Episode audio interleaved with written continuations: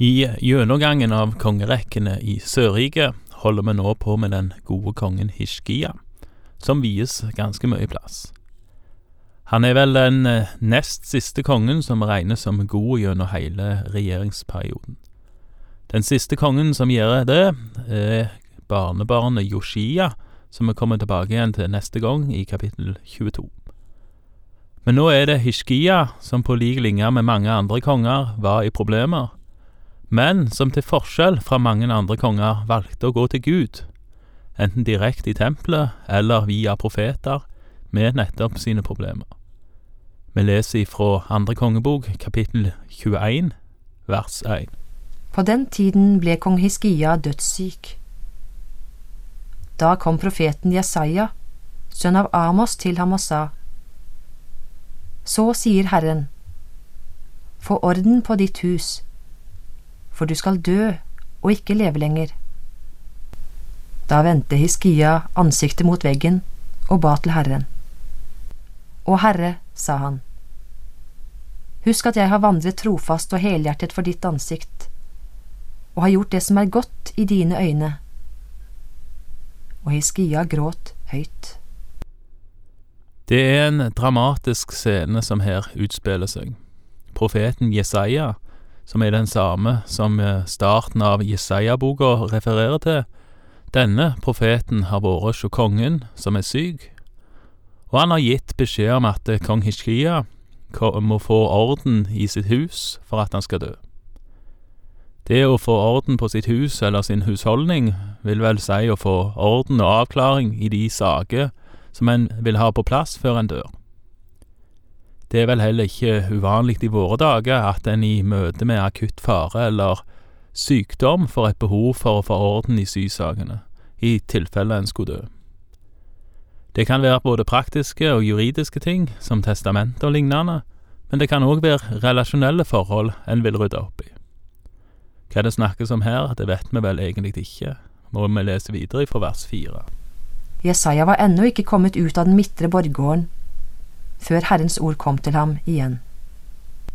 Gå tilbake og si til Hiskia, fyrsten over mitt folk. Så sier Herren, din stamfar Davids Gud. Jeg har hørt din bønn og sett tårene dine. Nå gjør jeg deg frisk igjen. Om to dager kan du gå opp til Herrens hus.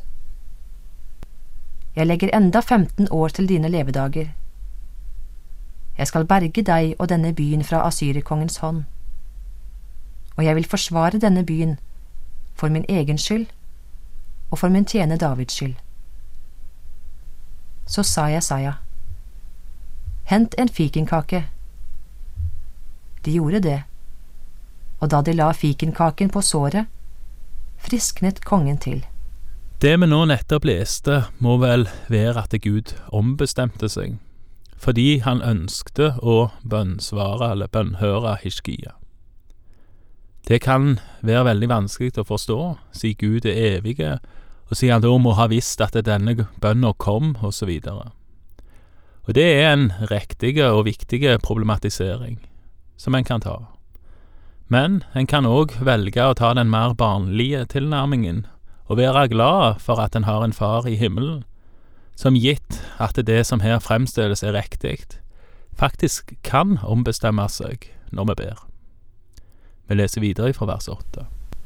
Hiskia spurte Jesaja, Hva skal jeg ha til tegn på at Herren vil gjøre meg frisk igjen, så jeg om to dager kan gå opp til Herrens hus?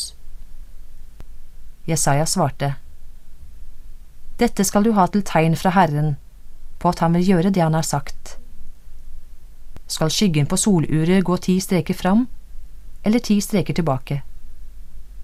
Hiskia sa, Skyggen kan lett strekke seg ti streker fram.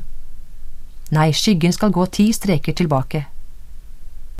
Da ropte profeten Jesaja til Herren, og han lot skyggen på soluret til Ahas gå ti streker tilbake, like langt som den før hadde gått fram. Det underet som her beskrives, er blitt tolka i mange retninger.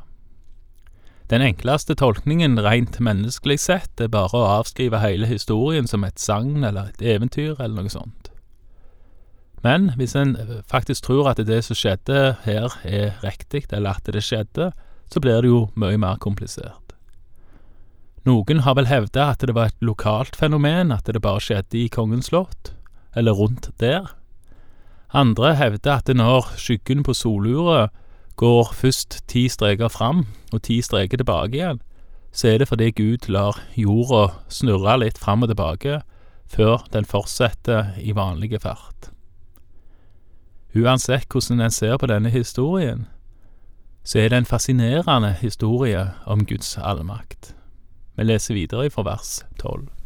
På den tiden sendte Babelkongen Merodak Baladan, sønn av Baladan, brev og gaver til Hiskia, for han hadde hørt at kongen hadde vært syk. Hiskia ble glad da sendebudene kom. Han viste dem hele huset, der han hadde skattene sine, sølvet og gullet, parfymen og den fineste oljen, våpenhuset og alt som fantes i skattkamrene hans. Det var ikke den ting i hele hans slott og rike som Hiskia ikke viste dem. Da kom profeten Jesaja til kong Hiskia og spurte ham. Hva sa disse mennene, og hvor kom de fra? De kom fra et land langt borte, svarte Hiskia, fra Babel. Hva fikk de se i slottet ditt? spurte profeten. Hiskia svarte, Alt det som finnes i mitt slott, fikk de se. Det var ikke den ting i skattkamrene mine som jeg ikke viste dem. Da sa Jesaja til Hiskia, Hør Herrens ord. Se, dager skal komme, da alt som er i ditt slott, det som fedrene dine har samlet til denne dag, skal føres bort til Babel. Ingenting skal bli tilbake, sier Herren. De skal ta noen av sønnene dine, av dem som stammer fra deg, og som du er opphav til, og gjøre dem til hoffmenn i slottet til kongen av Babel. Da sa Hiskia til Jesaja, Godt er det ordet fra Herren som du har talt. Men han sa til seg selv, Det vil vel være fred og trygghet så lenge jeg lever. Det er noe underlig at Hiskia så på verset om dom fra Jesaja som godt, men kanskje han så at det der kunne komme noe godt ut av det, siden folk gjennom det valgte å søke tilbake igjen til Gud. Det er kanskje lettere å forstå hvorfor han sier til seg sjøl at han er glad for at det er trolig til fred så lenge han lever, noe han òg får rett i. Vi leser videre fra vers 20. Det som ellers er å fortelle om Hiskia og alle de storverk han utførte, hvordan han anla dammen og tunnelen og ledet vannet inn i byen, står skrevet i judakongenes krønike. Hiskia gikk til hvile hos sine fedre, og hans sønn Manasse ble konge etter ham.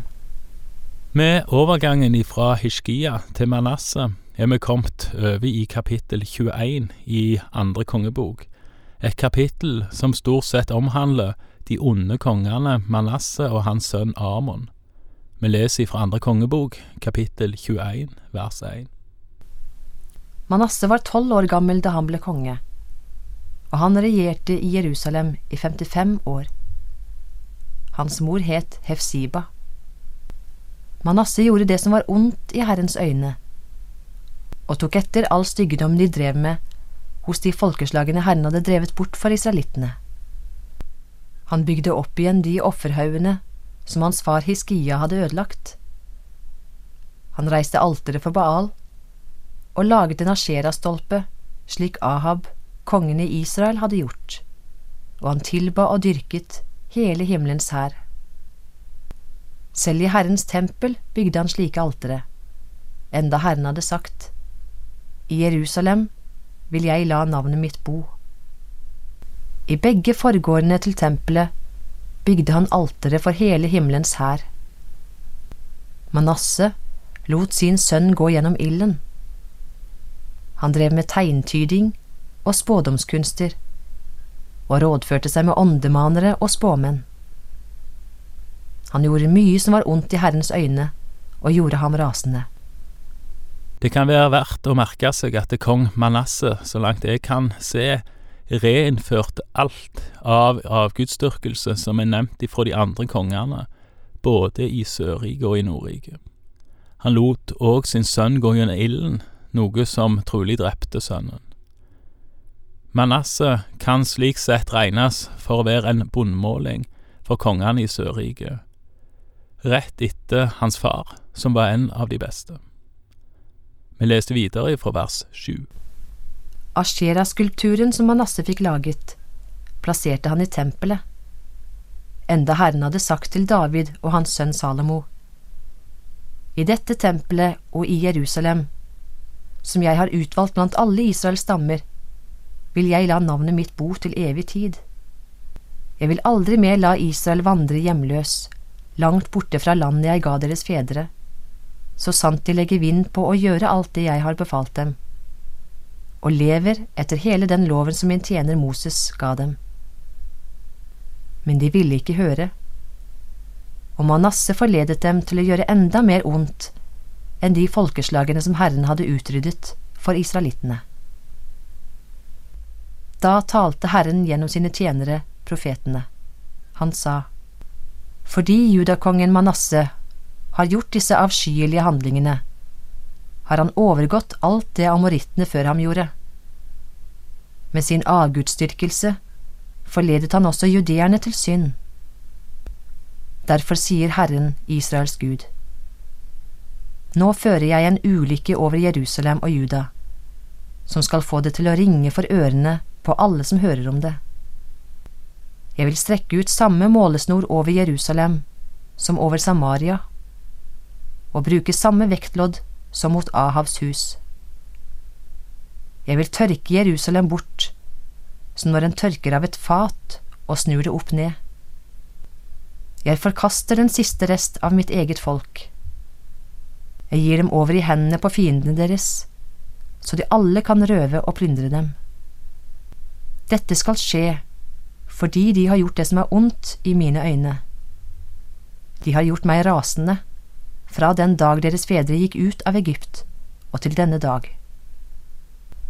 Manasseh lot så mye uskyldig blod renne i Jerusalem at hele byen ble fylt med blod.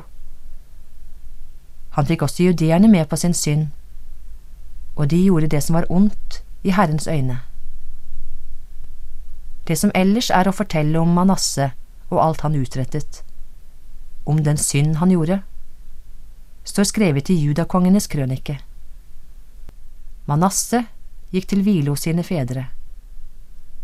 Han ble gravlagt i Ussahagen, som lå like ved hans slott, og hans sønn Amon ble konge etter ham.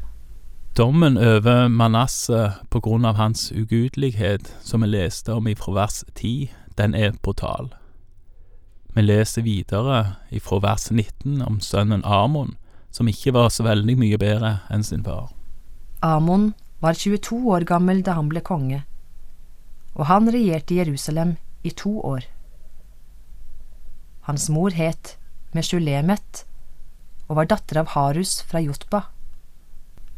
Amon gjorde det som var ondt i Herrens øyne, slik hans far Manasseh hadde gjort. Han fulgte i sin fars fotspor i ett og alt. Han dyrket de samme avguder som faren, og bøyde seg og tilba dem. Han forlot Herren, sine fedres Gud, og vandret ikke på Herrens vei. Amons menn fikk i stand en sammensvergelse mot ham, og de drepte kongen i hans eget hus. Men folket i landet slo i hjel alle dem som hadde sammensverget seg mot kong Amon, og så tok de hans sønn Joshia til konge etter ham. Det som ellers er å fortelle om Amon og det han utrettet, står skrevet i judakongenes krønike. Amon ble lagt i graven sin i Ussahagen, og hans sønn Joshia ble konge etter ham. Kong Amon ble drept av sine egne, men igjen så ser en til tross for dette, så kommer hans egen sønn Joshia til å bli konge etter han. Joshia, som ble konge veldig ung, er den siste av de gode kongene i Juda. Mer om han seinere. Takk for i dag, og Herren være med deg.